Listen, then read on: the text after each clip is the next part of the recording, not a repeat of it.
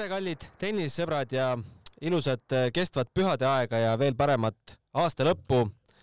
Äh, aastaks kaks tuhat kakskümmend üks on siis äh, Matšpalli saatel tehtud seitsekümmend kaks episoodi läbi aastate, täna on seitsmekümne teine. aeg lendab. täna mõtlesime, et võtame siis kokku selle ilusa tenniseaasta kaks tuhat kakskümmend üks ja vaatame, mis, millised sündmused meie top kümnesse siis eh, seekord mahuvad, eh, teeme seda teist aastat järjest, eelmine aasta panime sellele traditsioonile nii-öelda alguse. Eh, minuga stuudios on täna, mina olen saatejuht Gunnar Leheste, ikka kaassaatejuht Riho Kallus. tere! ja külaliseks oleme kutsunud Toomas Kuuma. tere! no neljas mikrofon jääb täna vabaks, pidi siin istuma Mihhail Lehtmets, aga otsustas ta siis nautida hoopis päikest kuskil soojal maal, ei saa üldsegi äh, ette heita, kui vaadata, mis äh, meil see ilm siin viimastel päevadel teeb, et äh, hea meelega pesitaks isegi uuesti Mehhikos näiteks. aga räägin siis äh, lühidalt süsteemist ka, kuidas me need, selle topi siis kokku panime, et mina valisin välja nominendid, igaüks võis oma nominente lahkelt juurde lisada ja panime siis punkte kümnest üheni, esikoht sai kümme punkti, ja hääletusel osales ka Mihhail Lehtmets, nii et kõik, kõik on äh, läbi hääletatud ja peaks olema väga objektiivne edetabel. Läheme siis kohe hooga pihta, ega siin äh, pühade ajal ju aega raisata ei ole. kümnendale kohale mõtlesime, et räägime Eesti tennisest, äh, alustades Eesti meistrivõistlustega, mis on ju ajalooline sündmus ikkagi. Maria-Lotta Kaul võitis kolmanda meistritiitli, alistades finaalis tiitlikaitsja Jelena Malõgina ja Ivanov Vladimir Ivanov üheksanda üksikmängutiitli, alistades finaalis Kennet Raismaa. Ehm, ma ütlen võib-olla, mis mul kõige rohkem selle, nende tulemuste juures head meelt teeb, et Maria Lotta Kauli meistritiitel ei jäänud tema selliseks üksikuks sähvatuseks sel hooajal, et, et äh, pani ka väga tugeva, tugeva punktiga siin hooaja lõpus, kui Brasiilias äh, kuuekümne tuhandesel ITF-i turniiril alistas äh, avaringis näiteks endast äh, pea kaheksasada kohta kõrgemal asuva tennisisti,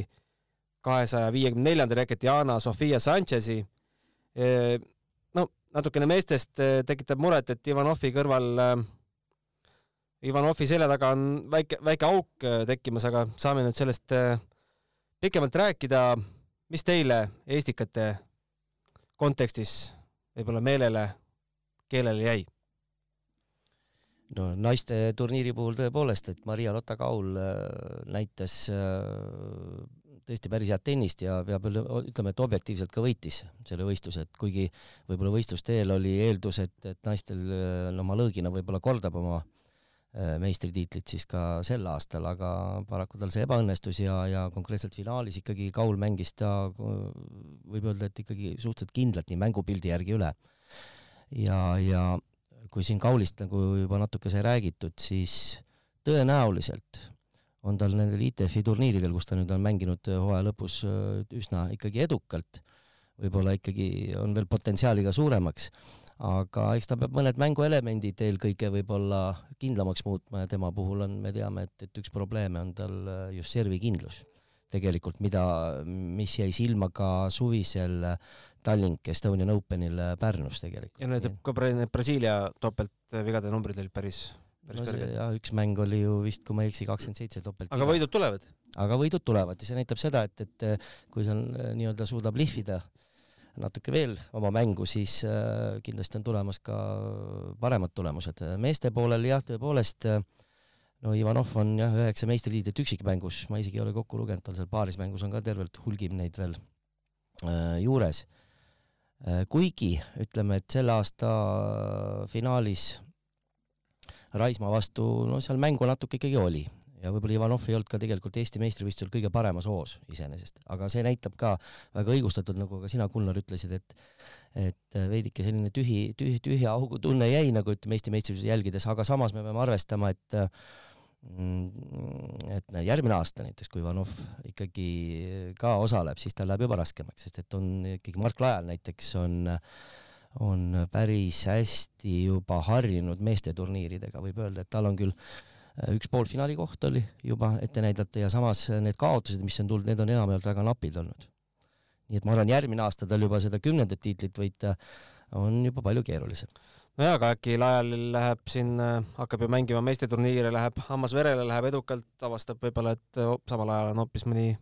tore ITF-i turniir, kus tahaks osaleda. No miks mitte ka juba Challengeri turniir näiteks, et, et teame, et ta ikkagi Molotoglo akadeemias mängimas on ja, ja ma usun, et see võistluskalender, mis ta valib, järgmine aasta on noh, ega praegu ta on suvist veel osa veel, ta kindlasti ei ole plaaninud ehk väga täpselt, aga aga seal võib olla küll see moment, teisest küljest ma usun, et nälg on võita ka Eesti meistritiitel. Lajalil. Ja noh, rääkimata siin võib-olla teistest meestest ka, noh, Raismaa küll võib-olla praegu enam nii tihedalt ei mängi rahvusvahelisel areenil, aga, aga sa oled olnud nii-öelda Eesti tennises pildil aastaid ja meistritiitel võiks ikkagi olla taskus. No ja õnneks on Kristjan Tamm ka hooaja lõpus tervise korda saanud ja natukene võistlema hakanud seal Mehhik-, Mehhikost, mingi, mingid tulemused tulid? jaa, kindlasti tal on ka kindlasti tahet ikkagi selles võistluskarussellisele äh, nii-öelda tihedalt kaasa lüüa, nii et on nüüd jälle Eesti esireket, pikalt oli siin ikkagi Jürgen Zopp äh,, anomaalia meil siin äh, Eesti tennisemaastikul, pühis seal esimeste seas, aga nüüd on Jürgen langenud siis ikkagi teiste meeste taha. Riho midagi lisada? jah, kui rääkida meeste esireketeks, reketist, siis antud hetkel see väga olulist rolli ei mängi, sest ega need tulemused on, on nii, nagu nad on, et äh, nagu Toomas ka mainis, me väga-väga loodame ja ootame, et ikkagi keegi ka suudaks tõsisemalt äh, meeste kalendris kanda kinnitada ja hakata mängima ka, ka kõrgemal tasemel challenge turniire ja võib-olla ka ATP turniire. Ja eks, eks see kõige reaalsem kandidaat praegusel hetkel äh, Mark Lajal võiks olla, kes siin juba nüüd hooaja lõpus on juba meeste turniiril päris head tulemused teinud, kas ta kaks korda oli veerandfinaalis juba Futures turniiridel vist või? no ühe korraga poolfinaalis. ühe korraga poolfinaalis jah, nii et Mark on juba näidanud esimesi samme ja ka Oliver Ojager mängis esimese meeste turniiri muuseas nüüd koos Kennet Raismaaga äh, Dohas vist mängisid jah. lugesin tenniseajakirjast, et Kennet Raismaa on ta sparringupartner lausa ametlikult. no Raismaa mängis kaasa seal samal turniiril nii et just vahetult enne seda ju Oliver Ojager koos Grete Kulliga võitsid juunioriturniiri seal ja mängis kohe esimese meesteturniiri otsa sinna, nii et aga tulles korra tagasi äh, Maria-Lotta Kauli juurde, mulle meenub, äh, Toomas, äh, väga emotsionaalne intervjuu, mille sa võtsid Maria-Lotta Kaulilt, kui ta noore viieteistaastase tüdrukuna tuli Eesti meistriks, mäletan, ja, ja tol hetkel oli, oli küll väga, ootused olid väga kõrged, aga, aga Maria-Lotta Kaulil on, on väga rasked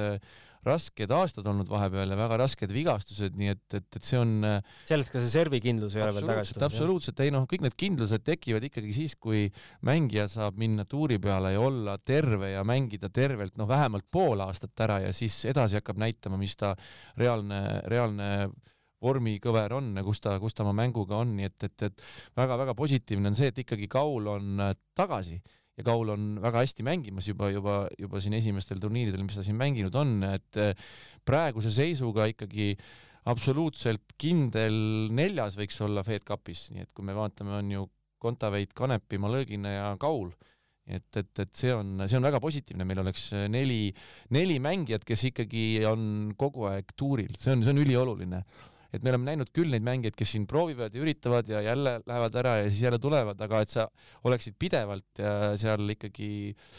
tuuri peal, see on väga tähtis. mulle meeldis ka see, kui sa ütlesid Fed Cup et see on meil nii veres ja mulle tõesti see, ma korra lihtsalt niisugune kõrvalpõige, et, et väga ebamugav on öelda nüüd uue nimetuse. Billie Jean King Cup. jah, et, et mul on sama asi, et, et me oleme ka siin omavahel vahel äh, polemiseerinud selle üle nii-öelda eetriväliselt, et, et äh, jah, ma saan aru, et see on teatav niisugune tunnut-, tunnustus võib-olla Billie Jean Kingile, aga, aga, aga see on ikka väga keeruline. no huvitav on näha, mis äh, hakkab järgmine aasta, kui Eest, Eestis need mängud jälle toimuvad, kui toimuvad, et äh, mismoodi ajalehe pealkirjades see Billie Jean King Cup äh, omaks võetakse, sest seal on tähemärgid väga loetud, ma arvan, et seal jääb Fed Cup ikkagi domineerima no seda ma ei oska öelda, aga seal saab ka lühendit kasutada, kasutame siis Billie Jean King Billy Cup. B BJK.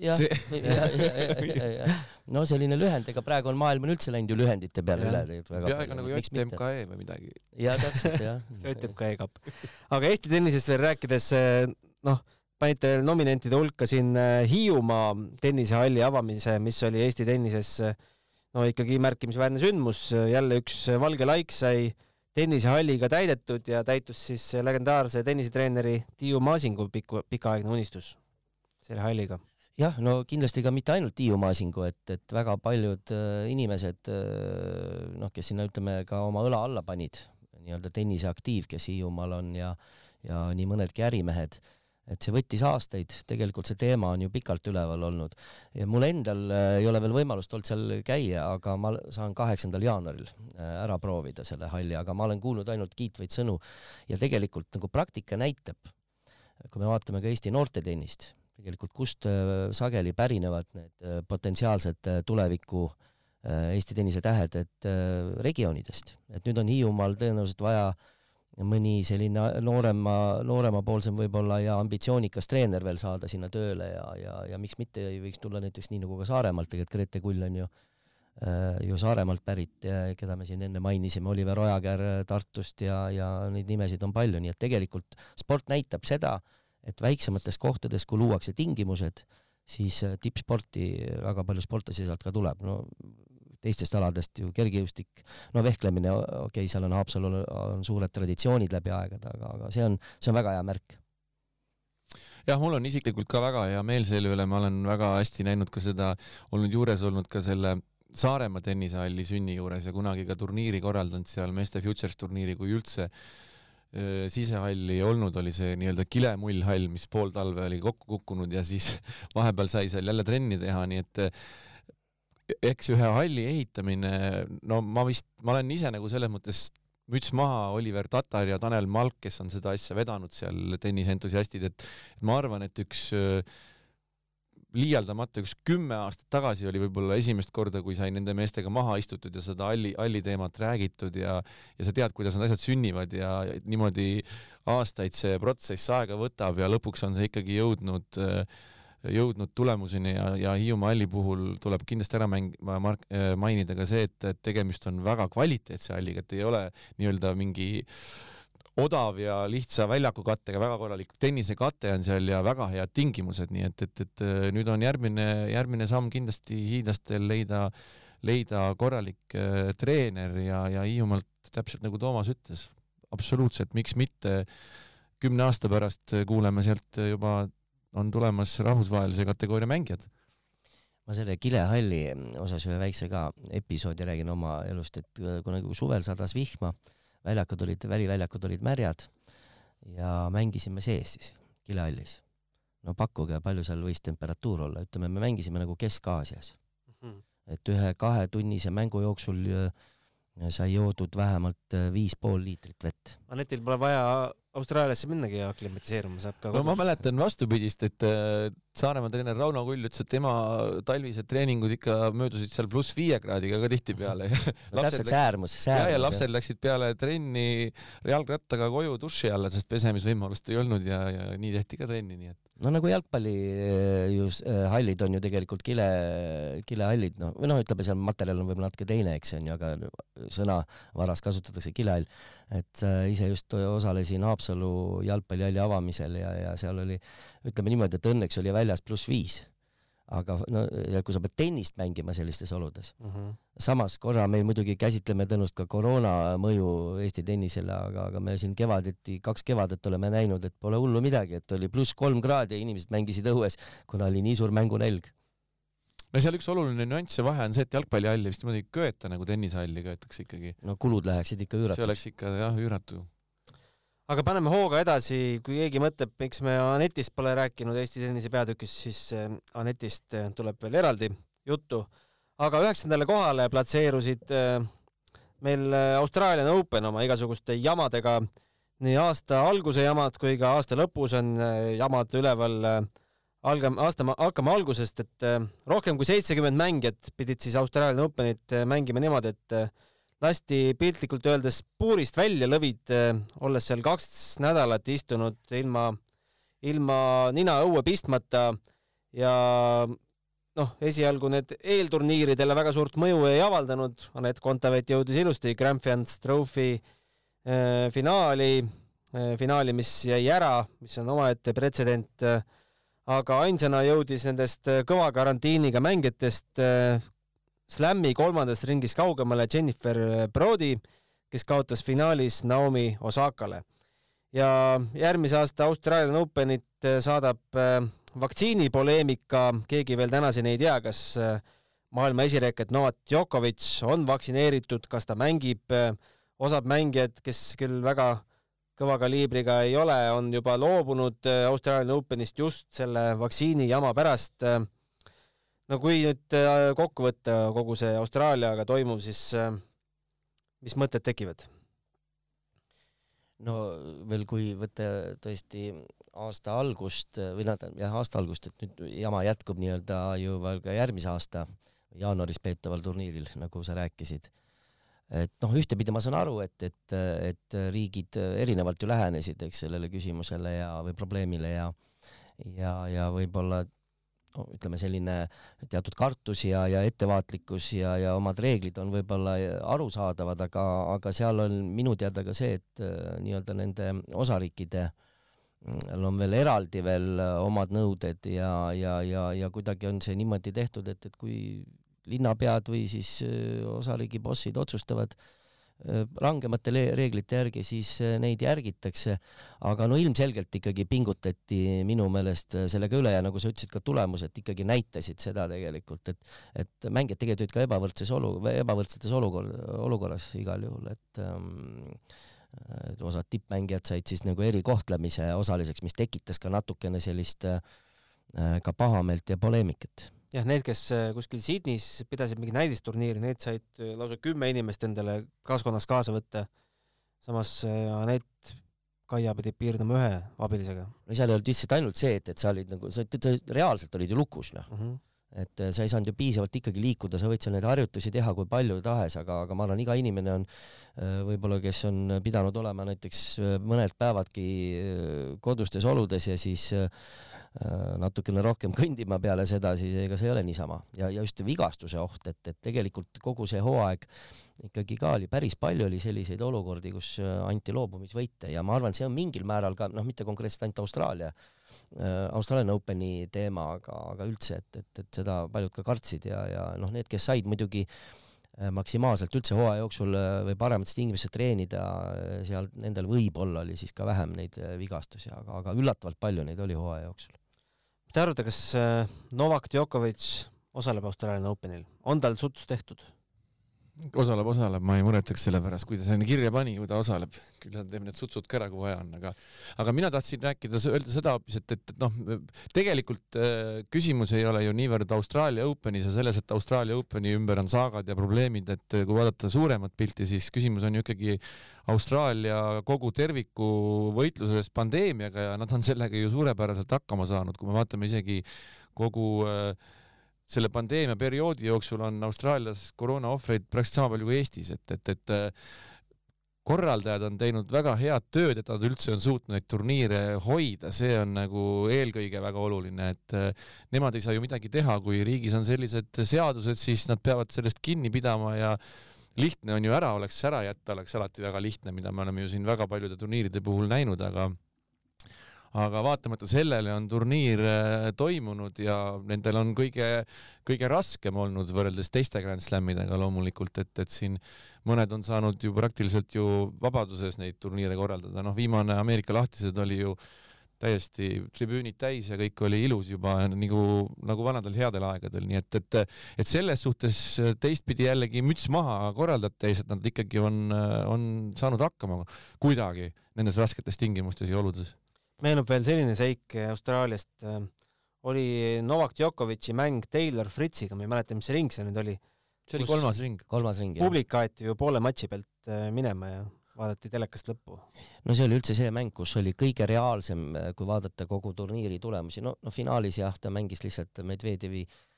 taktikaliselt üle, kuigi seal esimene sett ei olnudki finaalis nii, äh, ütleme, seal oli Medvedjevil tegelikult väga hea šanss esimene sett ära võtta, võib-olla siis oleks mäng kujunenud teistsuguseks. aga tegelikult just see mäng Fritsiga, see läks ju viiendasse setti ja seal oli ka mingi häda natukene, oli vist Djokovicil, ma ei, mäleta, kas kõhulihasega või mingi probleem tal oli. seljaga oli vist. või seljaga isegi jah, aga noh, servida ta ei saanud korralikult, tegelikult Frits äh, Äh, Taylor Fritz äh, minu meelest ei kasutanud seda head äh, šanssi ära, seal oli väga täiesti reaalne, ütleme tegelikult Djokovic nii-öelda out'i lüüa. paneme hooga edasi, kaheksandale kohale platseerus meil üsnagi värske juhtum, Hiina tennisist Peng Shuai. tegi siis novembri alguses kohalikus sotsiaalmeediavõrgustikus Weibo postituse, kus süüdistas riigi tipp-poliitikut, riigi endist asepeaministrit Jean Gaolid seksuaalses ahistamises. järgnes see, et postitus kustutati loomulikult minutitega ära. naine kadus mitmeks nädalaks pildilt riiklik meedia hakkas ühel hetkel sotsiaalmeediasse paiskama pilte, et tegelikult on naisega kõik korras, surub meil siin noorsooturniiril kätt ja sööb äh, lõunalauas äh, einet. ROK-i president tegi videokõne, kinnitas samuti, et äh, naisega on kõik korras. aga VTA ei usu seda kõike ja on siis Hiinaga mõneks ajaks suhted tühistanud. loomulikult mõistame hukka, mis siin, mis siin muud öelda, et ja täna on muidugi värske uudis, et äh, Peng Shuai andis äh, Singapuri mingile ajalehele intervjuu, kus võttis kõik need süüdistused tagasi, et ma pole midagi sellist öelnud. aga üks igavene jant selle ümber käib. Kunagi äh, mul tulevad meelde Raul Rebase sõnad, Raul Rebane ütles kunagi, et äh, maailmas on kaks valdkonda, kus tehakse unikaalset rahvusvahelist koostööd, on lennundus ja sport. ja, ja miks mulle isiklikult väga just tennis meeldib, siis kui vaadata spordi sees, siis tennise äh, kalender ja tennise noh, ütleme nii-öelda globaalne, globaalse spordialana on veel eriti unikaalne, et noh, praktiliselt igal kontinendil, igal kontinendil iga nädal algab kuskil turniir, et, et, et tennis on, on suutnud, suutnud hoida kuidagi eriti hästi seda globaalset joont ja, ja kui noh, viimasel ajal ju lennundus on pihta saanud korralikult siin näited Valgevenest ja nii edasi, siis noh, äärmiselt kurb, kurb muidugi, et, et, et tegelikult ka äh, ka tennises nüüd selline, selline olukord on, et aga, aga noh, reaktsioon VTA poolt on ju absoluutselt õigustatud no poliitika, ütleme jah, et see jutt, et, et poliitika on nagu spordiväline, et see on juba, võib öelda juba, vaata, et aastakümneid on ju tegelikult, võib kõrvale heita. või mis aastakümneid, et alustame kasvõi Berliini olümpiast, eks on ju, kolmkümmend kuus. aga no ma olen üldiselt suhteliselt hästi kursis üldse maailma geopoliitikaga, mind see isiklikult väga huvitab ütleme, mentaalsus on erinev riikidel, riigikorrad on erinevad, praegu tõstab pead muidugi selline autoritaarsed, autoritaarsed režiimid. ja, ja noh, Hiinas nüüd, et ta võttis tagasi süüdistused, noh ilmselgelt mina eeldan, et ta on nii-öelda siis koduarestis või, või siis ütleme, kontrollitakse iga tema liigutust ja see on ikka täielik teater muidugi, et õhtustab kuskil ja siis annab seal autogramme tenniseväljakule, et see kõik on juhitud tegevus. et ähm, et ma arvan ka, et, et VTA on praegu tegelikult võib öelda üldse maailma spordiorganisatsioonidest äh, praegu kõige siis nagu julgemalt, ütleme, nendel teemadel äh, tegutsemast või rääkimast ja otsuste langetamise poole pealt, et et see on, see on natuke laiem teema ja, ja, ja, ja fakt on see, et, et kui äh, no ütleme, vaatame kasvõi Hiina avaldusi üldse nüüd, mitte spordiväliseidki, siis seal on üks ümmargune ilus jutt alati. Nad üldiselt nagu ei püüa konflikti nii-öelda vähemalt avaldustes väga välja tuua, aga kui sa neid nii-öelda natuke torgid kuskil, ma ei ütle, et alati ka õigustatult, eks onju, aga antud juhul äh, seal pidi midagi taga olema, sest see on väga julge käik oli tegelikult äh, Hiina naistennisistilt ja siis nad muidugi on väga teravalt äh, reageerivad ja, ja no endal nad kunagi pindu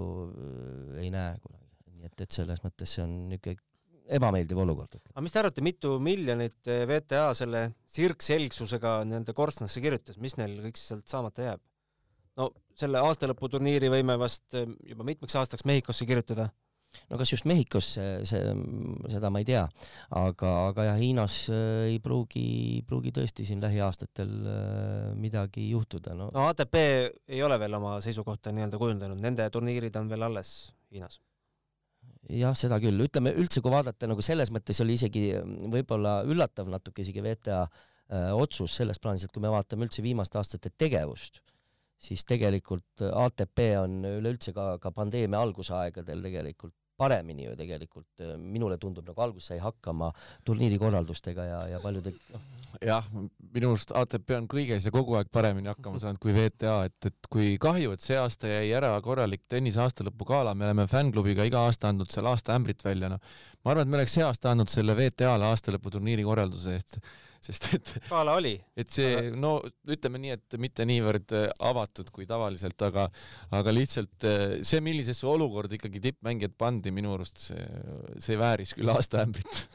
ja üle-eelmise aasta ju, või tähendab õigemini ikkagi eelmise aasta, meil ei ole veel järgmises aastas, aga juba tahaks nii-öelda hüpata kaks tuhat kakskümmend kahte ja et ju oli mingi periood, kus VTA-l turniire polnud ATP-l oli ja ju pakkus näiteks Viin, Viin vist oli näiteks, kes ütles, et meil on kõik olemas, kõik tingimused, et tooge siis VTA turniir meile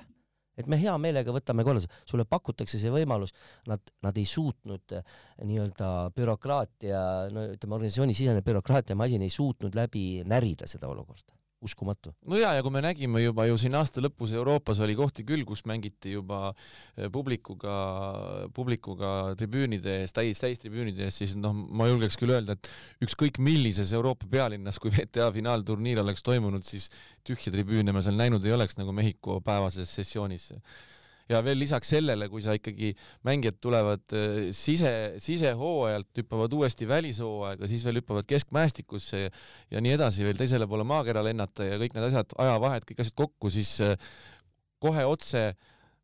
kas ma ütlen nüüd Fed Cupile või Billie Jean King Cupile otsa veel lisaks, nii et, et noh, seal mitu asja, mis, mis tegi selle mängijate jaoks ülikeeruliseks ja ega me seal tegelikult, kui aus olla, ega me seal tegelikult nagu keegi nagu noh, fantastiliselt hästi ei mänginud nendest kaheksast mängijast võib-olla Muguruza välja arvatuna. aga paneme edasi, seitsmes koht, äh, Roger Federeri comeback. ja nüüd ei tea, kas äh, lahkumine areenilt äh, või igatahes oleme uue comeback'i ootuses. aga taust on siis see, et esimese matši neljateist kuu järel võitis Federer märtsis Kataris. Genfis piirdus ühe mänguga, French Openil jõudis kaheksandikfinaali, pidi seal loobumise võidu andma Berretinile Äh, Wimbledonis jõudis äh, veerandfinaali, kaotades seal Hubert Hurkacile, aga maailma edetabelis on äh, Roger kukkunud kuueteistkümnendale kohale ja on juba teatanud, et kahekümne teise aasta esimeses pooles me teda ei näe. teises pooles saab mees juba nelikümmend üks. siia otsa võib-olla veel jäi mainimata, et oma esimene turniir, mille ta üldse mängis Dohas, kaotas ta matšpalli pealt Basilashvilile, nii et ta oli väga lähedal turniiri võidule. seda turniiri võitu see aasta ei tulnud ja no keeruline öelda, et, et äh, ta on ju oma avalduses öelnud, et ta tennist nii palju armastab ja, ja seetõttu ta kuidagi ei, äh, ei taha päris nii-öelda pillid kotti panna. jah, no eks, eks me võime kõik arvata, igalühel on oma arvamus selles osas, et äh, sageli öeldakse, et tuleb õigel hetkel nii-öelda lahkuda tippspordist, aga noh, kui inimene veel soovib proovida, no ma usun, et eks tal kogu orient-, nii-öelda orientiir on ikkagi jälle Wimbledon võib-olla, aga ja ja eks ta võib-olla veel proovib mängida, aga, aga no raskeks läheb, sellepärast et ikkagi nüüd nooremad mängijad ja uus plejaad on peale tulemas, et, et väga keeruline, et, et noh, aga eks ta ise otsustab, kas ta tahab veel mängida, mina ütleksin, et ta võiks proovida siis kas või olla näiteks äh, fokusseerida ennast paarismängule, miks mitte. Äh, ma tahtsin täpselt sama asja juurde jõuda, et äh, unistus, ma kujutan ette, et paljude tennisesõprade unistus oleks see, kui Nadal ja Federer mängiks kümme aastat veel paari koos no näiteks, sest et tegelikult paarismängus äh, ei ole üldse äh, ime, kui äh, ollakse päris tipus äh, nelikümmend pluss. Ja mõni mängumees on ka neljakümne nelja, neljakümne viie aastaselt täiesti tegija olnud. Sa kujutad ette, mis paarismänguturniiridega juhtuks, jälgimine, auhinnarahad, asjad, kui Nadal, Federer hakkaksid paari mängima. Ja tegelikult tänasel hetkel võib-olla ongi see natukene nagu ähm, ebaaus paarismängijate suhtes, tihtipeale need auhinnarahad on ka seal peaaegu kuuekordsed erinevused, võiks olla natuke väiksem see vahe, et paarismängu, need mehed muidugi annaksid sellele kõvasti juurde. aga rääkides veel Federerist ju, kust see kõik alguse sai, kust kohast sai see vigastus alguse, see vigastus ei saanud ju algust tenniseväljakult, see on kõige kummalisem, et kõik need jamad duširuumis libastumine või? kõik need jamad hakkasid ju laste vannitamisest pihta ja duširuumis libastumisest, ehk siis seesama põlv on saanud kolm operatsiooni sellest duširuumis libastumisest üldse, et et, et see tuli täiesti ju tenniseväliselt. Jah, selline õnnetu, õnnetu juhus, mis, mis, mis mõjutas, noh, ongi mõjutanud siis Federeri käekäiku, et, et kurb, et, et võib-olla tõesti, kui, kui oleks ta täiesti terve, kes teab, oleks võib-olla ka veel sel aastal paremaidki tulemusi näinud. igatahes see legend elab ja see kakskümmend, kakskümmend, kakskümmend turniir, slam'i võitude arvestus, see, see reis püsib ka veel elus. Kuues koht Naomi Osaka meediaboikott ja pildilt kadumine. French Openil kuulutas siis Jaapani tennisist meediale boikoti, ütles, et ei räägi pressiga Pariisis ja teeb seda oma vaimse tervise nimel, et ja pärast avaringi võitu, kui ta ei tulnudki pressikonverentsile, karistati teda viieteist tuhande dollari suuruse rahatrahviga, noh, mis iseenesest ei olegi suur, aga see oleks võinud veel paisuda suuremaks, kui ta oleks turniiri võib-olla jätkanud. ähvardati, ähvardati teda lausa turniirilt eemaldamise ja võistluskeeluga, aga, aga Naomi ennetas seda kõike ja võttis ennast French Openilt maha. meedia boikoti lõpetas ta Tokyo olümpial,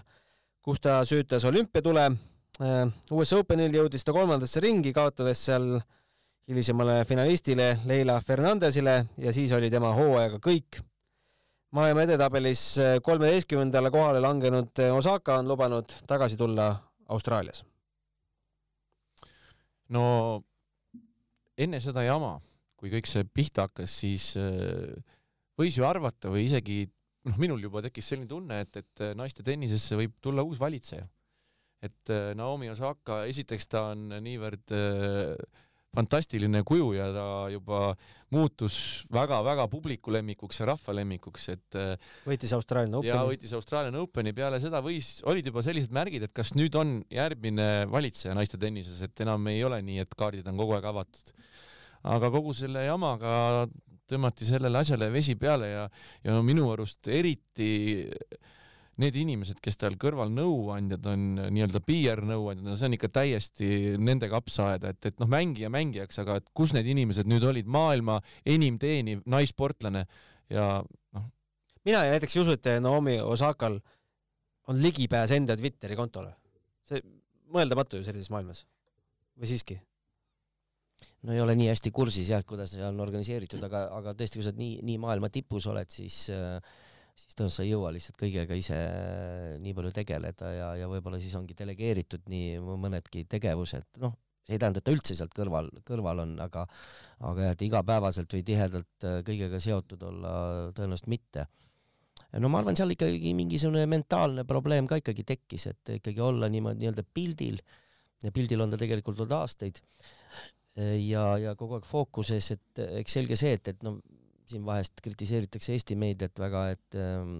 äh, ollakse kiuslikud või mida iganes, et aga maailmas me teame, et seal sa teed ühe sammu vasakule või paremale, sa oled kohe, kõik see fikseeritakse ja oled nii-öelda kogu aeg fookuses, et ega see lihtne ka nagu ühtepidi ei ole. aga kui sa nii kõrgele jõuad, siis eks sa pead sellega tegelikult ju arvestama ja, ja, ja, ja isegi kui tal mingisugune annus äh, ka temapoolset või siis tema PR-tiimi kriitikat või tegevust äh, võib isegi kuskil võib-olla mõnes nüansis isegi aru saada, aga tervikuna on, see on seesama, mis me, sa ütlesid, et et see võiks ka väikse ämbri saada. jaa, jaa, absoluutselt. aga muidugi, mis, mis väärib tähelepanu ja, ja millele ka ta osutus, on ikkagi see noh, kes, kes tennist mängib, kes eriti, eriti kes mängib tipptasemel tennist, saab sellest väga hästi aru, et kui sa, kui sa oled seal äh, Grand Slamil võib-olla viis tundi väljakul olnud ja väga raske mängu kaotanud ja pead vahetult peale seda minema kaotajana pressikonverentsile ja kui sealt tuleb ka veel võib-olla noh, suhteliselt rumal küsimus mõnelt ajakirjanikult, siis äh, noh, see emotsioon on midagi muud. võib-olla kui sa tõesti vastaksid järgmisel päeval, kui sa vahetult peale mängu seda tegema pead, siis see on ikka, see on ikka väga raske. mina ei ole selle poolt, et need mängija... pressikad peaks ära kaotama, sest äh, tihtipeale võitja intervjuust nagu ei olegi midagi väga pealkirja panna, sa ju tahad ikkagi teada, miks ta kaotas. ma olen tegelikult sinuga selles mõttes täiesti päri, loomulikult äh, ajakirjanike kvaliteet on erinev äh, erinevates võib-olla riikides, kui toimuvad turniirid ja, ja me ei tea, kes sinna alati ligi pääsevad nii-öelda pressikonverentsidele, et, et seal on ka oma momente, aga noh, kuidas sa seda selekteerid, et, et noh, seda ei ole ka võimalik teha. aga äh, ma olen ka nõus, just nimelt selleks, et sa saaksid nagu nii-öelda infot, et äh, võib-olla ka mingit sellist võib-olla teatavat analüüsi selle põhjal teha, et, et miks see kaotus oli ja ja vahest on ju ka objektiivne põhjus, et võib-olla sa ei näegi, et, et mängijal võib-olla oli mingi füüsiline, mingi häda, siis tal on see võimalus tegelikult pressikonverentsil äh, tegelikult sellest rääkida. ja, ja no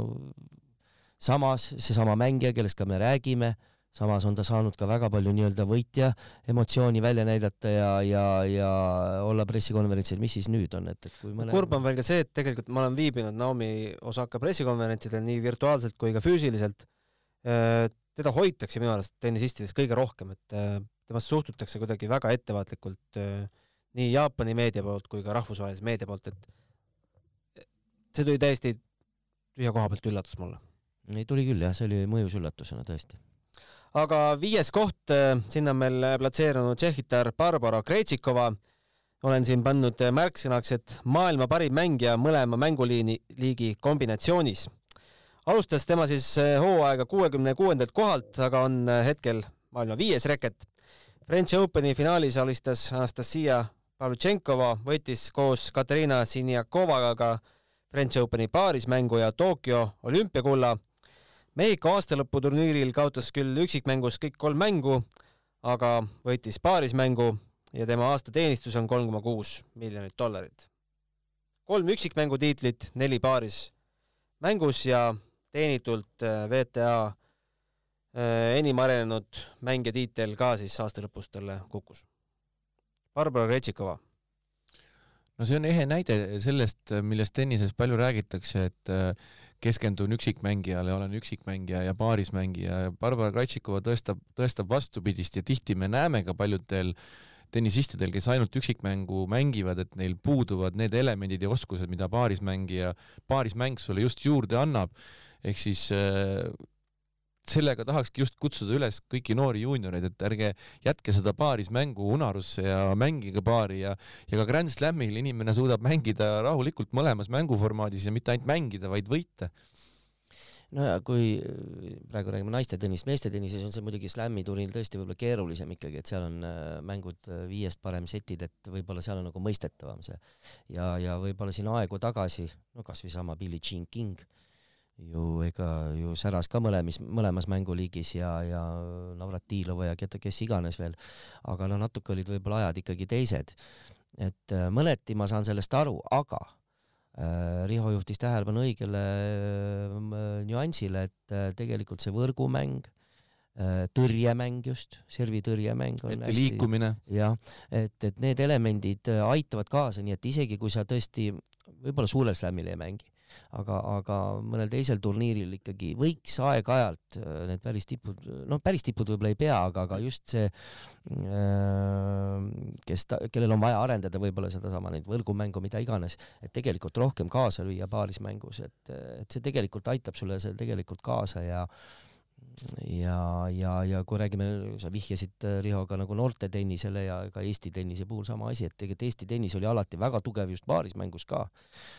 hiilati, et eh, kui üksikmängus midagi läks ka nihu, siis nendel võistkondlikel võistlustel Nõukogude Liidu turniiridel, Spartakiaadidel ja, ja paarismängus oldi ju väga-väga-väga tugevad et see tegelikult aitab kaasa. tõepoolest, võib-olla kui sa oled juba seal päris juba profitennisistina oled seal suhteliselt kõrgele jõudnud, et siis teed nagu valikuid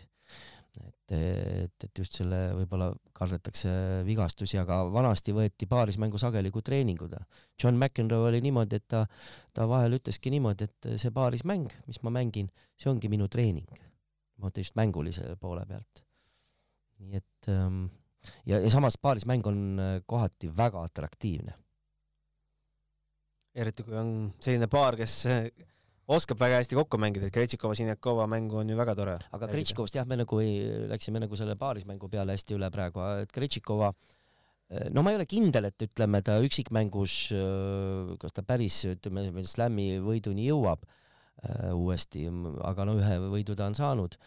et ta on kindlasti väga hea taktik. et ähm, ega seal Prantsusmaa lahtistel tal ka tegelikult ju sa-, Maria Sakaril oli ju, ju matš palde vastu et ta suudab äh, ikkagi äh, varieerida oma mängu ja taktikat muuta. et selles plaanis on kindlasti noh, paarismängijat sageli öeldaksegi, et hea paarismängija on ka hästi nii-öelda loeb mängu. Ja Kretšikova puhul see kindlasti, kindlasti nii on. Toomas, me ei ole üldse kindlad siin, mis siin naistetennises järgmine aasta Grand Slamil saama hakkab, me tegime siin ühe väikse ennustusvõistluse kommentaatorite vahel ja üks küsimus oli see, et kas naiste Grand Slamid võidavad kõik erinevad mängijad ja kõik vastasid jah, sest seal on vastus minu teada. nii oli jah. aga lähme edasi, oleme jõudnud äh, neljanda kohani, esimene, kes medalist ilma jääb, ja võiks öelda, neid mehi on lausa kaks, panin kokku kaks nii-öelda uue generatsiooni meest, kes võib-olla enam nii uus generatsioon ei olegi, aga ehe näide sellest, et uus generatsioon on võimu üle võtnud. Aleksander Zverev püstitas selle hooaja turniirivõitude rekordi ja Danil Medvedev võitis suure slam'i. Zverev alustas siis aastat seitsmendalt kohalt, lõpetas kolmandal. Medvedev alustas neljandalt, lõpetas teisel. Zverev võitis siis kõige rohkem turniire, meestest kuus turniiri olümpiakuld, ATP finaalturniir, kaks Masters tuhat äh, tiitlit, kaks ATP viissada, Austraalian Openi veerandfinaal, French Openi poolfinaal, Wimbledoni kaheksandikfinaal, US Openi poolfinaal, aastateenistus kuus koma kolm miljonit. Zverevile äh, finaalturniiril kaotanud, äh, finaalis siis kaotanud Medvedev võitis ühe Grand Slami, ühe Mastersi, kaks kahesaja viiekümne kategooria turniiri. Austraalia Openi finaalis kaotas Djokovicile, US Openi finaalis alistas Djokovici aastateenistus seitse koma neli miljonit. ma ei tea, kummast mehest alustame, kumb, kumb rohkem muljet avaldas, mulle Riho jäi meelde, et sa ütlesid sellise lause, et Zverev mängib nagu arvutimängus, oli vist olümpiamängude paiku selline lause? jah, võib-olla see mm, periood sellest hooajast, just see olümpiamängude aegne, aegne periood, mäletan, kui me ka Toomasega kommenteerisime ja vaatasime seda, neid mänge, et, et kuidas üldse on võimalik kogu aeg lüüa kõvasti ja kogu aeg täpselt ja kogu aeg sisse, et see, see võib-olla isegi, ma julgeksin välja käia sellise teesi, et võib-olla see on üldse selle hooaja maailma absoluutne tipptennise tase, mis üldse keegi välja mängis see hooaeg. et Zverev küll ei, jah, ei ole endiselt Grand Slami võitnud, aga, aga need matšid ja need mängud olid ikka täiesti ebareaalne tennis või ma ei tea, Toomas, kas sa oled nõus minuga no jaa, need parim, parimad mängud, need, äh, mida esitas äh, Zverev, need tõesti olid muljetavaldavad, et äh, et selline tunne on, et tõesti, et kui ta mängib oma parimat mängu, siis väga raske on kellelgi talle vastu saada. no mõnes mõttes kehtib see ka võib-olla Medvedjevi puhul. aga, aga ütleme niimoodi visuaalselt, see on jälle maitse asi, Medvedjevil on ka väga palju fänne aga, aga ausalt öeldes äh, isiklikult ütleme, kus Veerevil see mäng jookseb, et on, see on, seda on ikka väga äge vaadata. kujutate ette, et need mehed ongi varsti esimene-teine ja jagavadki slämme omavahel, nagu, nagu on teinud praegu see suur kolmik? No see on kõige reaalsem stsenaarium, mis, mis praegu meeste tennises on, muidugi äh, kui vaadata sealt äh, tagantpoolt, siis ei ole ka muidugi nii suurel hulgal olnud selliseid teravaid taganttulijaid, kes võivad ohustada neid mehi varasemates Grand Slami ringides ka vabalt, et siin võib olla üks niisugune täiesti, ma julgen öelda isegi võib-olla kümme, kümme mängumeest sellist, kes on on, on, noh, kui me vaatame ka nimesid, kes on sellel aastal alistanud neid nii Medvedjevit, Djokovic'i kui Zverevit, siis neid nimesid on päris palju ja Zverevi puhul mul, mulle avaldab veel muljet, et tal, tal endiselt on ju õhus veel see koduvägivalla juhtum, mida talle kogu aeg meelde tuletatakse, ma ei tea, üle ühe pressikonverentsi, et kuidas sellistes, sellises vaimse surve tingimustes ka ikkagi sellist, sellist hooaega teha? no ma arvan, et ütleme nii, et kui ta tunneb ennast selles mõttes kindlalt, et vägivalda ei olnud näiteks, et siis võib-olla ta väga ähm, ei põe, kuigi see ebaõiglus, kui see on nii, siis äh, no see häirib ikka. Äh, see häirib ikkagi, aga siis ta on sellega küll üllatavalt hästi hakkama saanud, et, et see ei ole lihtne. Noh. aga lähme edasi, pronksmedal, kolmas koht äh, US Openi naisüksikmängu finaal. Emma Raducanu, Leila Fernandez kes, kes oskas arvata, et need naised üldse sel hooajal pildile tõuseb või kes üldse teadis nendest naistest midagi, siis äh, nüüd teavad sellest kõik nendest naistest. üheksateistaastane kanadalanna Leila Fernandez ja kaheksateistaastane Suurbritanniat esitav, esindav Emma Raducanu, kellel ka Kanada ja Rumeenia juuri. Raducanu võitis siis finaali kuus-neli, kuus-kolm, alustas, oli tol hetkel äh, veel saja viiekümnendal kohal, lõpetas hooaja üheksateistkümnendal kohal. Fernandes oli selle finaali hetkel seitsmekümne kolmas ja lõpetas kahekümne neljandana. Äh, Raducanu on siis esimene naine äh, avatud ajastul, kes võitnud äh, oma teise slam'i, kuhu ta on siis põhiturniirile peale pääsenud. Wildcardiga jõudis Raducanu ka Wimbledonis kaheksandikfinaali tehes seal äh, mitmel moel Briti tennise ajalugu ja oli vist äh, noorim mängija, kes jõudnud Wimbledonis kolmandasse ringi alates kahe tuhande teisest aastast. no minule on, ma olen kuulnud, kuulnud, kuulanud erinevaid podcast'e ka, mis räägivad Raducanu ja Fernandesi teemadel, et seal märgitakse, et justkui see siis märgib seda, et nüüd on noored võimu üles võtmas ja seda rääkisid ka see, need äh, legendid seal Mehhikos oma rohketes intervjuudes, et äh, vaadake ette, noored tulevad, aga ma arvan, et see on ainult äh, kolmkümmend protsenti sellest, kuidas see kõik kokku jooksis, ma arvan, et seitsekümmend protsenti on lihtsalt puhas õnnestumine. et, et need me-, naised just finaalis niimoodi on jõudnud no tegelikult, kui vaadata näiteks, kui keegi viitsib vaadata kasvõi kordusest või kuskilt internetiavarustest vaadata seda finaali, siis tõesti Äh, nad näitasid, äh, ma ei oskagi seda kirjeldada, aga igal juhul see kuidagi see mäng tundus teistmoodi natukene kui senised eelnevad äh, kõik noh, ütleme lähiaastate finaalid. ja tõesti, ütleme võib-olla visuaalselt ja, ja, ja see mäng, mis nad seal näitasid, et see tundus, et, et noh, seesama, mida sa nüüd väitsid või mida on väidetud, et, et nüüd tulevad ja hakkavad nii-öelda teed puhastama enda ees. mina olen natukene skeptilisem et äh, tõepoolest äh, võib-olla paljude asjaolude kokkusattumine, seal tuleks vaadata ka veel kord üle võib-olla see list, keda nad seal võitsid turniiril, kuidas see tabel neil seal kujunes, mul ei ole see nüüd peas äh, päris meeles. minu meelest see võib-olla nii keeruline ei olnud, kui vahest, vahel juhtub turniiridel. ma võin sulle öelda, Raducanul oli Stefani Vögele, Suai Shang, Sara Soribes Tormo, Shelby Rogers, Belinda Bencic ja Maria Sakari nojah, need nimed räägivadki iseenesest juba ja, ja et, et ütleme, oli seal väga palju faktoreid mängis, aga see muidugi ei vähenda nende, nende suurepärast esitust. siin on üks probleem, eelkõige võib-olla Emma Raducanu puhul, ta pidi väga muidu selline tark, tark äh, neiu olema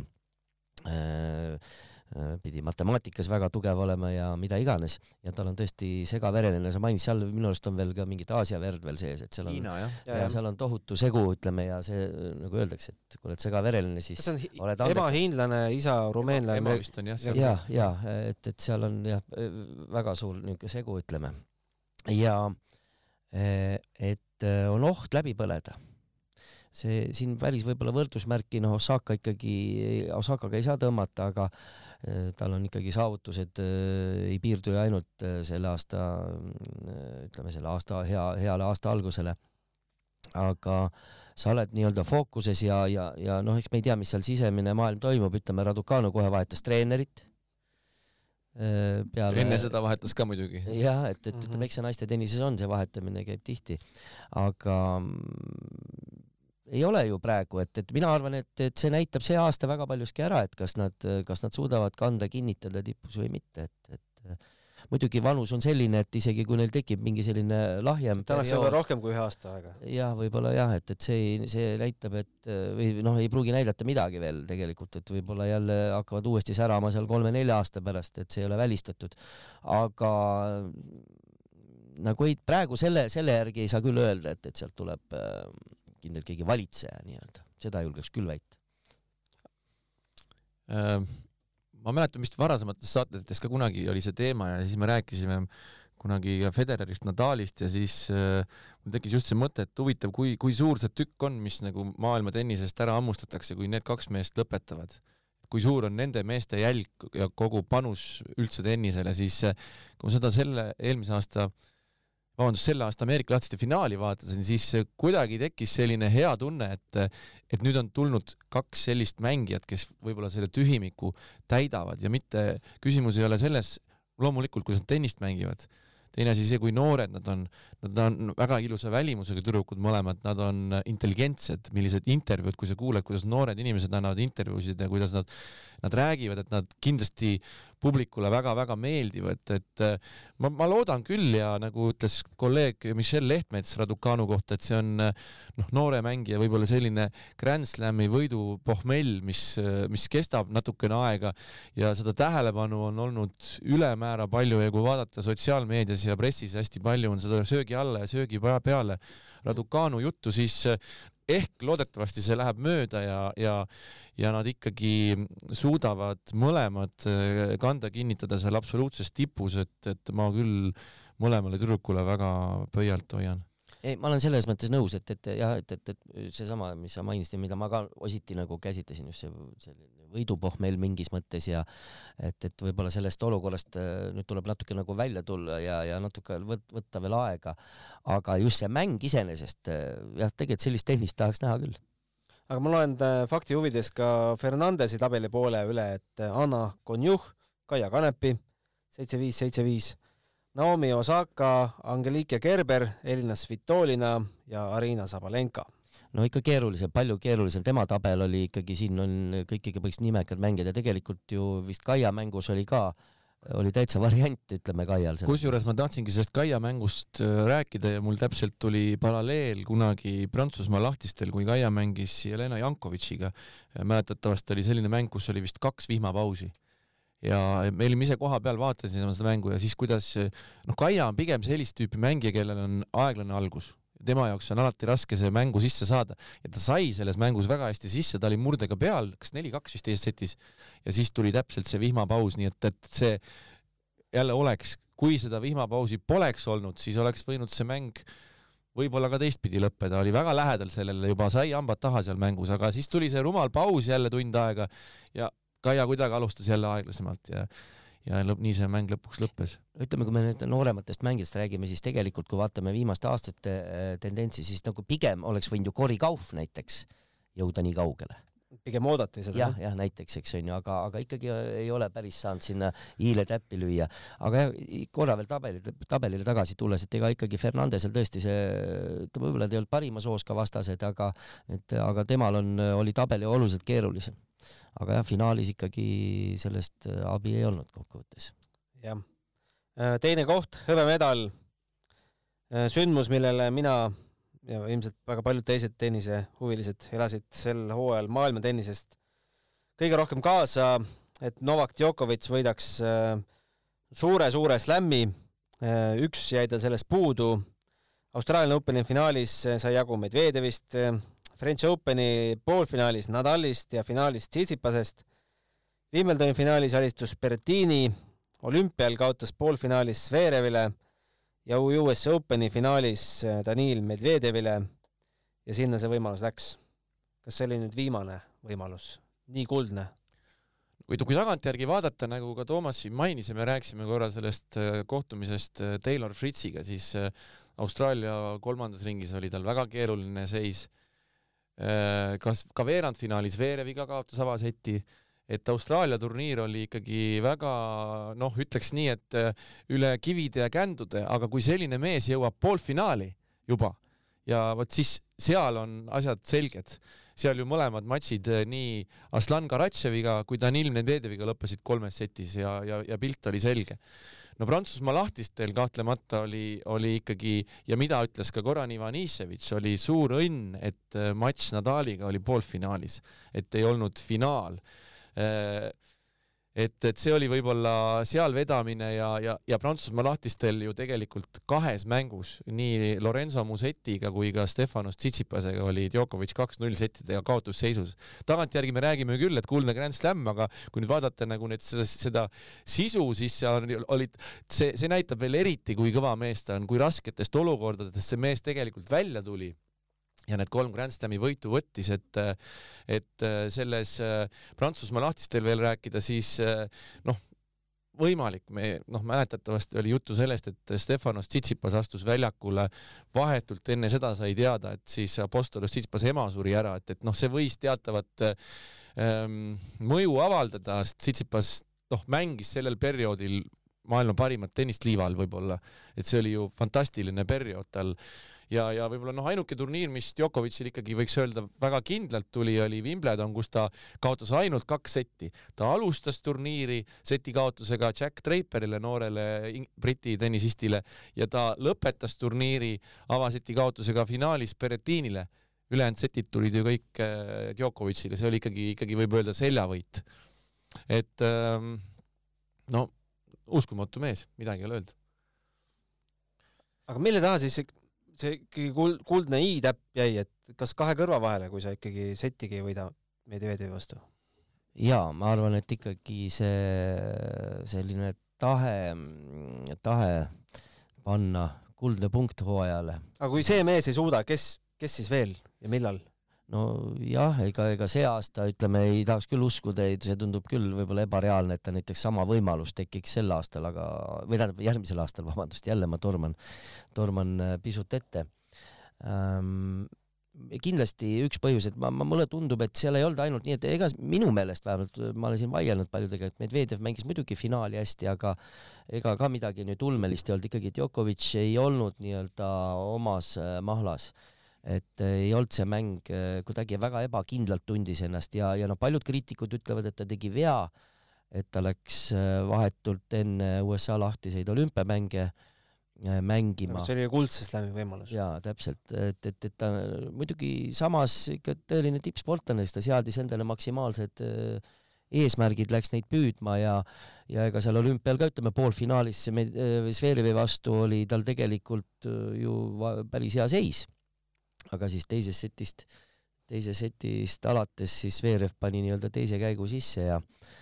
ja, ja tegelikult kolmanda koha mängu mäng ju näitas ka, et noh, seal tal muidugi motivatsiooni enam üldse tõenäoliselt ei olnud ja ja paarismängus lõppes ka kõik kurvalt äh,, segapaarismängus siis mm. jah et, et ähm, ma arvan, et see pigem oli, võib-olla natuke mingi väsimus võis olla, aga, aga see oli kõrvade vahel eelkõige. No põnev on äh, oodata, mis, äh, mis sellest kõigest valmib, sest äh, tal oli ju terve hooaeg oli võttegrupp kaasas kes valmistab temast dokumentaalfilmi. ma arvan, et materjali seal on tohutult ja peaks tulema igati, igati vägev film. aga lähme siis võitja juurde, trummipõrin. ma arvan, et ei ole üllatust, et Anett Kontaveit selle võistluse meil pika puuga neli esikohta, nelikümmend punkti kinni pani. Üheksateist september oli Anett veel äh, maailma kolmekümnes reket, aga siis võitis Clevelandi, Ostrava Moskva ja Rumeenia Klutši turniirid, jõudis äh, Mehhikos aastalõputurniirile, jõudis seal finaali, tõusis maailma seitsmendaks reketiks, aastateenistus üks koma üheksa miljonit. Äh, võib-olla väikseks tõrvatilgaks meie potis on, et äh, suurel slämmil ei olnud väga, väga suurt edu. kolmas ring Austraalias, kolmas ring Pariisis, esimene ring Londonis ja New Yorgis kolmas ring aga näitas siis äh, vahepeal võiduseeriat, äh, kaksteist võitu järjest, mis siis katkes siis Mehhikos alagrupi kaotusega Muguruzale. nelikümmend kaheksa võitu, seitseteist kaotust. mida ütlete, mehed? No see on üks ehe näide sellest võib-olla, kui väikestest asjadest võib kõik kinnitennises olla. me mäletame ju väga hästi ei olnud ju üldse lihtne Anetil peale Wimbledoni kuni olümpiamängudeni, see seeria oli kaotuste seeria ja väga-väga rasked ajad ja kusjuures turniir, esimene turniir, mille ta võitis Clevelandis, ta alustas seda turniiri mäletatavasti kuus-üks seti kaotusega. ja me Toomas Leiusega seda kommenteerisime ja, ja just täpselt sel momendil me mõtlesime, et, et, et kuidas selline mäng võib nüüd otsustada, kas see asi hakkab ühele poole minema või see asi hakkab teisele poole minema. et, et kui nüüd oleks VTA kakssada viiskümmend turniiri esimeses ringis tulnud kaotus näiteks kohe vastane oli Lauren Davis. Lauren Davis, täpselt, ja ta tegelikult võitis kuus-null, kuus-null peale seda, aga, aga ütleme, esimeses setis tal oli ikkagi veel noh, natukene selline võib-olla kaotuse seeria kramp või see noh, väga raske momentum, et nüüd saada nii-öelda ree peale et tennises nii on, et see, see on ehe näide sellest, kuidas, kuidas tihtipeale selle e-, ebaedu ja edu vahe võib olla üliminimaalne ja, ja, ja kõik võib-olla räägivad tagantjärgi sellest, et, et tuli imemeest Dmitri Tursunov, kes, kes ütles midagi või tegi midagi ja kõik, kõik muutus. Ja võib-olla see oligi nii, aga Anett mängis enne seda ka väga head tennist, Anett tegi hommikust õhtuni kõvasti tööd, Anetil on oma tiim olnud väga pikki aastaid, nii füüsilise treener Tarmo Tiits kui ka varasemad tennisetreenerid, et, et need, need nüansid on väga-väga imepisikesed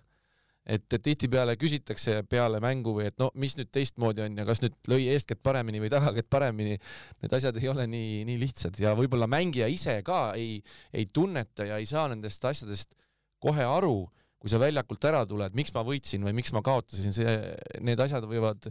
avalduda või, või sa võid selle teadmiseni jõuda alles tagantjärgi võib-olla no siin tulebki kokku võtta tippsport. just. et ähm, vaatasin kordus äh, televiis-, televiisoris juhuslikult sattusin äh,, mitte küll kõigi poolt armastatud äh,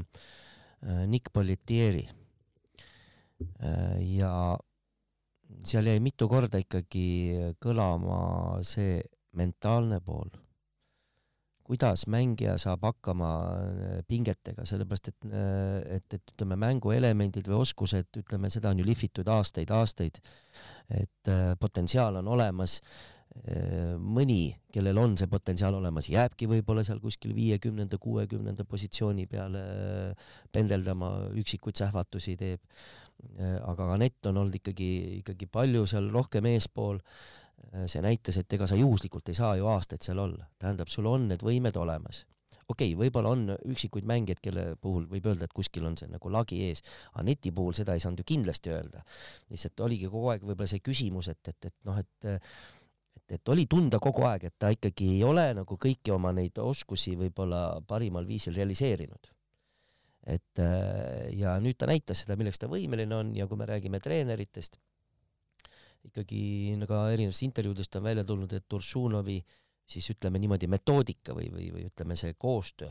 millele ta rajab või kuidas ta seda teeb, see tõenäoliselt õigel hetkel tuli äh, ja on vähemalt seni sobinud Anetile. Äh, ta on pannud ikkagi mängijat uskuma oma võimetesse ja kui nüüd rääkida, et jah, elemendid olid mänguelemendid, aga ta on äh, paljusid elemente hakanud julgemini võib-olla realiseerima ja, ja, ja no me ei hakka väga spetsiifikasse võib-olla siin äh, langema tennise spetsiifikasse, aga äh, kui te vaatate, ta jõuab ju pallini. Varem, seal on omad põhjused,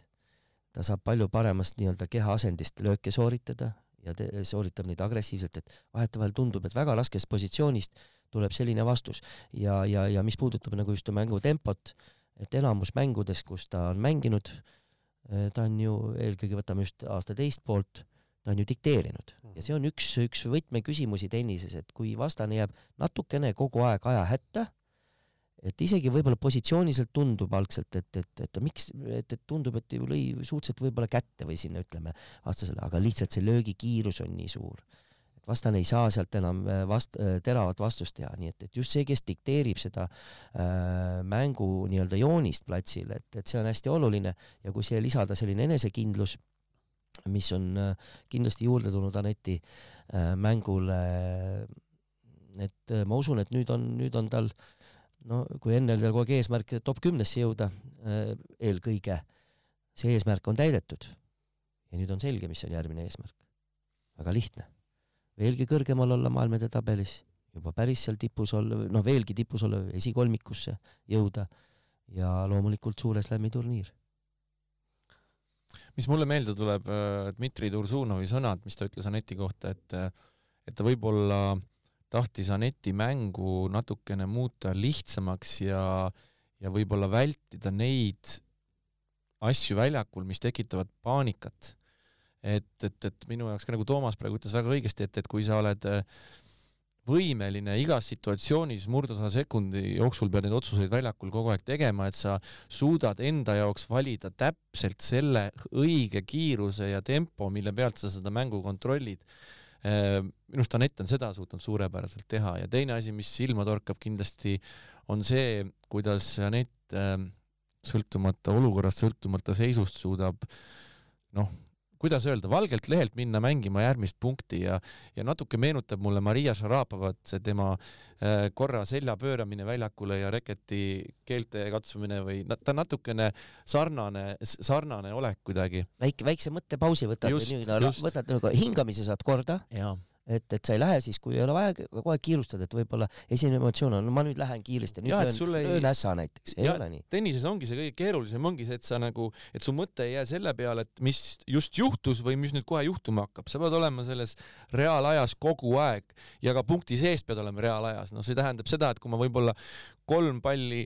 olen intensiivsem ja ründan, siis neljanda pealt ma ei, ma ei saa rünnata, aga ma ikka tahaks rünnata, sellepärast et ma just enne olin äh, punkti näiteks äh, domineerimas, et see, et sa kogu aeg suudad seda õiget otsust teha, minu arust Anett on selle saanud väga hästi paika. Ja, ja tehnilise poole pealt võib-olla, mis, mis mulle on silma torkanud, mida, mida Anett on hakanud äh, palju paremini tegema, on just see, mida ta teeb ette liikudes ja võrgus, et, et seal on küll äh, muutused toimunud minu arust ja ta tundub, et äh, praegu ka ütleme, see näidisturniir, noh, sellele ei tahaks väga pikalt peatuda, aga seal oli ilmselgelt üks, üks, üks moment oli, et, et katsetati, prooviti rohkem, et käis võrgus hästi palju ja ei no ma, ma rääkisin ise Anetiga, Anett ütles selle kohta, et see oli rumalus, et ta seal teise seti võitis, ta ütles, et ta oli nii väsinud, et, et, no- et, et noh, jah, lihtsalt proovis, et ja, ja aga, aga ma ütlen, et iseenesest noh, proovis ja ma arvan, et see oli õige, et ta proovis, sellepärast et, et, et sa võid ka sattuda, ütleme jälle mänguelement, kui nii võtta, kui sa võ- võrgul lähedal oled, siis sa tegelikult võid sattuda ka olude sunnil, ütleme, et noh, vastase löök on lühem ja sa ei tohi karta seda olukorda, et, et, et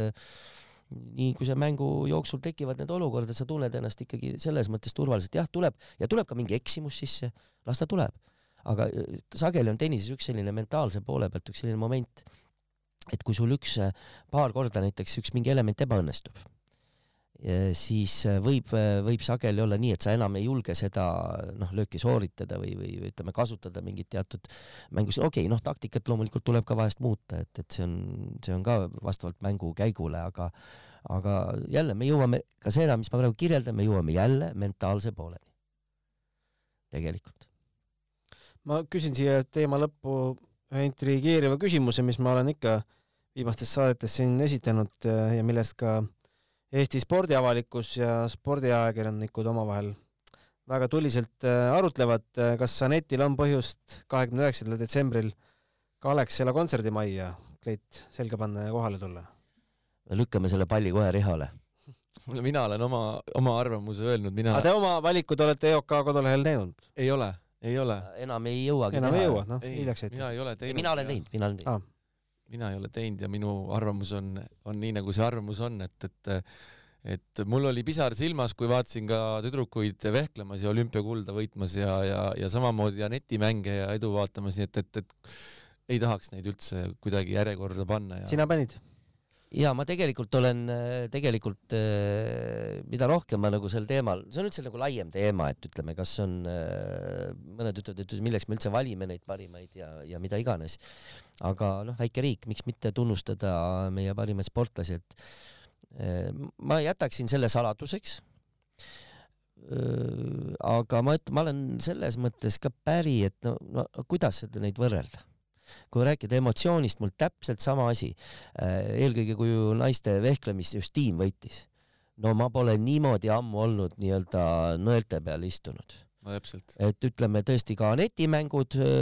finaalid. jaa, aga sa tegelikult sa võrdled ju pronksmedalit ja siis Aneti no kui jaa, aga ma arvan, et taustal on ikkagi mitte pronksmedal, et, et taustal, mis, miks on Katrina Lehisel positsioon nagu väga tugev selles olukorras, et tal on ikkagi tiimi kuld ka taga, nii et, et sisuliselt tema ikkagi personaalselt on tal kaks medalit. tal on tiimis võidetud kuld, individuaalne pronks, seetõttu ikkagi ühelt olümpialt nii-öelda üks sportlane lahkub kahe medaliga, üks nendest kuldne veel ja, ja samas ütleme, see tiim ei oleks ka noh, suure tõenäosusega ilma Katrinata võib-olla seda kulda ka võtnud, eks on ju, nii et jah, see on, see on, see on selline poleemika, aga kui me räägime nagu ütleme noh, maailmas vähe suuremates riikides, kui valikuid tehakse, siis tõenäoliselt ei oleks üldse küsimustki aga suuremates riikides on muidugi ka medaleid rohkem ja, ja võib-olla konkurents tihedam. et vaadatakse ikkagi nagu ala populaarsust üldse üle maailma, palju seda harrastatakse, palju võistlusi on ja, ja neid nüansse, selle järgi tõenäoliselt oleks Anett ilmselge nagu favoriit aga meie puhul, Eesti puhul on olukord ikkagi ilmselgelt ka ja, ja arusaadavalt tegelikult teistsugune, nii et emotsiooni mõttes mõlemad valmistasid äh, nii tugevat emotsiooni ja, ja, ja väga keeruline küsimus, et, et, et ma, keda, kes valitakse, see valitakse, aga lihtsalt, mis on minu jaoks oluline, et Anett vähemalt karjääri jooksul, võib-olla ta ei pea seda iseenesest nii oluliseks ise, aga mängib kindlasti veel aastaid ja, aga lihtsalt selline väga hea hooaeg, mis ta veel peaks nii-öelda tegema selleks, et, et saada see aasta sportlase nimetus täiskasvanute seas? jah, võib-olla kui äh nimetada maailma silmapaistvaid naissportlasi, siis isegi sinna võiks nominendiks Aneti panna, kaks tuhat kakskümmend üks, miks mitte? no täpselt, ma seda, seda selle peale ka nagu rõhun, aga, aga ma ütlen, siin on olukord natukene teine ja, ja, ja, ja, ja ühtepidi arusaadav. ma ei tea, kas saate eetrisse mineku hetkeks on minu hääl juba avalikustatud, sest kõik ajakirjanike hääled äh, detailselt äh, pannakse üles. mina panin Aneti lehi sees ja põhjenduseks, et äh, mis, mis on need argumendid maailma seitsmendaks tõusmine just selles järjekorras? maailma seitsmes, neli turniirivõitu ja finaalturniirile pääs.